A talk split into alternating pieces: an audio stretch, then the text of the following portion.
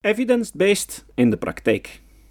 Evidence-based betekent niet dat men blind moet afgaan op wat een of andere academicus zegt of schrijft. Het moet minstens door andere onderzoekers, liefst in andere disciplines, meermaals bevestigd zijn. Daarnaast kan men zelf ook evidence-based te werk gaan, zoals ik al eerder meldde. Een interessant boek dat duidelijk pleit voor evidence-based management is Hard Facts, Dangerous Half-Truths and Total Nonsense: Profiting from Evidence-Based Management van Jeffrey Pfeffer en Robert Sutton, beiden professoren aan de Stanford University and Business School. Ze bevelen een aantal implementatieprincipes aan die ik hierna samenvat. 1. Beschouw uw bedrijf als een prototype dat nooit klaar is. Besef dat zowel kennis als de markt steeds evolueren. Er dient een evenwicht te zijn tussen kennen en twijfelen. Er is niets mis met twijfelen. Om de kennis voortdurend op peil te houden, zijn constante experimenten een must. Bedrijven als Intel, Cisco, Amazon en Google voeren constant experimenten uit en koesteren deze houding. 2. Niet pochen of intimideren, maar feiten gebruiken. Dit is vooral een boodschap voor leidinggevenden die vaak hun hiërarchische positie of hun dominantie misbruiken om kritiek uit de weg te gaan en mensen met andere meningen de mond te snoeren. Een beslissing moet niet gebaseerd zijn op dominantie, maar op feiten. 3. Vind het warm water niet opnieuw uit. Voetnoot. Oorspronkelijke Engelse tekst. Master the obvious and the mundane. Einde voetnoot. Volgens de professoren hebben bedrijven al te vaak de neiging alleen maar data te vertrouwen die ze zelf hebben gegenereerd. Dat is dubbel jammer, omdat er dan geen gebruik wordt gemaakt van de gegevens ingezameld door academici, gegevens die overigens publiekelijk toegankelijk zijn. Van bedrijven die nauwgezet data verzamelen en van degelijke consultants mag men dit ook verwachten. In deze zorgvuldig geselecteerde bronnen vindt men duidelijk bewijzen van wat wel of niet werkt. 4. Kijk naar uzelf en uw organisatie zoals buitenstaanders. Hier waarschuwen de auteurs voor het zelfvermeerderingsprincipe. Een bij psychologen bekend fenomeen dat mensen zichzelf licht overschatten, wat op zich goed is voor de geestelijke gezondheid. Hoewel er voordelen aan zijn, zowel op individueel niveau, gezondheid, als op organisatieniveau, positivisme en trots op het bedrijf, zijn er ook nadelen aan verbonden. Mensen hebben de neiging om risico's te negeren of te onderschatten en winstkansen te overschatten. 5. Macht, prestige en goede prestaties maken u koppig, dom en blind voor duidelijke bewijzen. Arrogantie maakt dat we niet meer bereid zijn om te luisteren, advies in te winnen, hulp te vragen of in te leven in de ander. De auteurs verwijzen naar Carly Fiorina, de ex-CEO van Hewlett Packard, die zo koppig was om pay for performance in te voeren, ondanks alle bewijzen dat het niet zou werken. Nochtans beschikte zij over bewijzen die extern, maar ook intern waren ingezameld, op basis van experimenten. 6. Evidence-based management is voor iedereen, niet alleen voor ervaren leidinggevenden. De auteurs halen het voorbeeld van Toyota aan, waar iedereen, vanaf de assemblagemonteurs tot de top, betrokken worden in kwaliteits- en productiviteitsverbetering. Voetnoot. Toyota is ondertussen de grootste autofabrikant ter wereld. Einde voetnoot. Velen trachten dit te kopiëren, maar het gaat om de mindset. Deze maakt dat er ook minder hiërarchisch toezicht nodig is en dat voortdurend experimenteren als normaal wordt beschouwd. Bedrijven die gebruik maken van de talenten en intelligentie van hun werknemers verdienen meer geld. Pfeffer 1998. 7. Je moet het nog altijd weten te verkopen.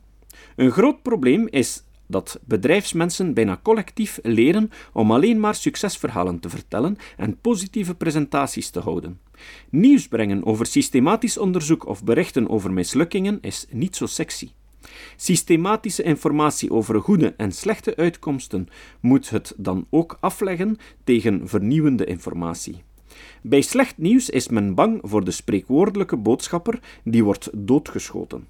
Critici en analytische denkers moeten dan ook leren om solide bewijzen op een levendige en aantrekkelijke manier te brengen om de aandacht van hun managers te trekken. 8. Als dit allemaal mislukt, tracht de verspreiding van slechte praktijken te vertragen. Eigenlijk pleiten de auteurs hier voor burgerlijke ongehoorzaamheid, indien managers niet lijken te willen luisteren naar de bewijzen. Zeg ja en doe het toch anders. 9. Stel je deze vraag altijd. Wat gebeurt er als mensen mislukken? Experimenten en veranderingen die mislukken, mogen niet voortdurend worden afgestraft. Vele experimenten zullen inderdaad niet leiden tot nieuwe producten of successen. Experimenten en veranderingen zijn de beste keuze. Er is niets gevaarlijker dan nooit veranderen. Daarom pleiten de auteurs voor het motto: vergeven, maar niet vergeten. Met andere woorden, leer van mislukkingen. Net als Taleb stellen Pfeffer en Sutton dat de zakenwereld gekenmerkt wordt door onvoorspelbaarheid, turbulentie en extreme competitiviteit. Daarom is aanpassingsvermogen en experimenten helpen hier zeker bij. Flexibiliteit en constant leren een must. Dit is de spirit die leidinggevenden bij hun medewerkers moeten tonen en ontwikkelen. Ze beloven aan diegenen die de moed en de wijsheid hebben om evidence-based te werken een competitief voordeel. Uit de eigen praktijk en de wijsheden uit de academische wereld kan ik nog bijkomende tips meegeven die het beeld van wat evidence-based management is vervolledigen. 1. Eén studie is geen bewijs. Veel mensen trappen in de val om elke nieuwe vermelding van een studie te zien als een bewijs of een tegenspraak van een geldend inzicht.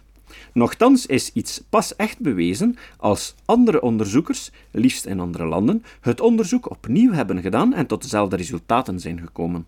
Dit noemt men in academische kringen replicatie. Kijk ook naar meerdere disciplines: de sociologie, de psychologie, de gedragsbiologie, de neurologie. 2. Een publicatie in een populair tijdschrift of kwaliteitskrant is geen garantie van juistheid. De pers is er als de kippen bij om vooral aan spectaculair ogende onderzoeksresultaten ruchtbaarheid te geven. Bronnenverificatie is er omwille van tijdsdruk meestal niet bij en een spectaculaire titel doet nu eenmaal meer verkopen. Naast het gebrek aan verificatie spelen echter nog een aantal andere factoren een grote rol.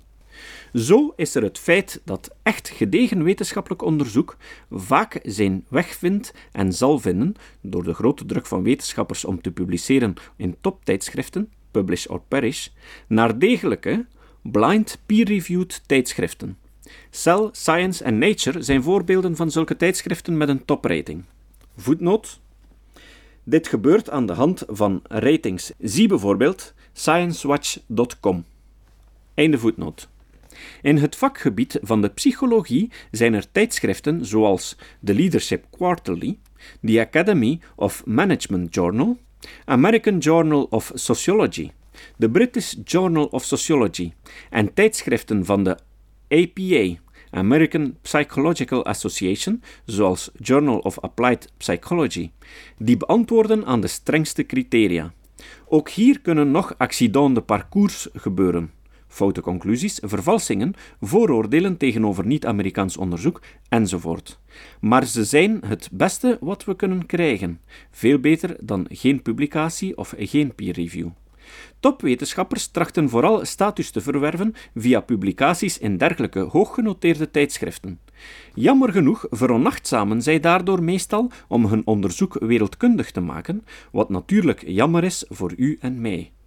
De mindere goden, en daarmee bedoel ik geen pechvogels, maar onderzoekers die hun onderzoek niet goed hebben gevoerd en wiens publicaties daardoor worden afgewezen, publiceren noodgedwongen in inferieure tijdschriften. En als dat niet kan, stappen ze vaak nog rechtstreeks naar de pers. Deze toont zich, zoals gezegd, een gewillige afnemer. 3. Goed u voor populaire boeken en succesverhalen van ex-CEO's. Er is niets mis met een sceptische geest. Misleiding in reclame en verkoop zijn nog steeds schering en inslag. Waarom zou dit anders zijn met populaire managementboeken? Controleer of er data wordt ingezameld en vooral hoe. Wapen u met het boek van Phil Rosenzweig en raadpleeg een lijst met cognitieve biases, bijvoorbeeld op Wikipedia of op www.kritischdenken.info. 4. Doe toetsbare voorspellingen bij het uitvoeren van experimenten. Experimenten zet je op om te kijken of je verwachtingen uitkomen. Deze verwachtingen zijn inschattingen, dingen waarvan je verwacht dat ze zullen uitkomen. Deze voorspellingen moet je kunnen toetsen in meerdere experimenten, bijvoorbeeld bij meerdere groepen, in andere regio's. De resultaten van de experimenten verdienen duidelijk de voorkeur boven verhalen of meningen. Het is ook belangrijk in of met experimenten te onderzoeken of iets niet anders kan. 5. Verhoog de participatiegraad in uw bedrijf.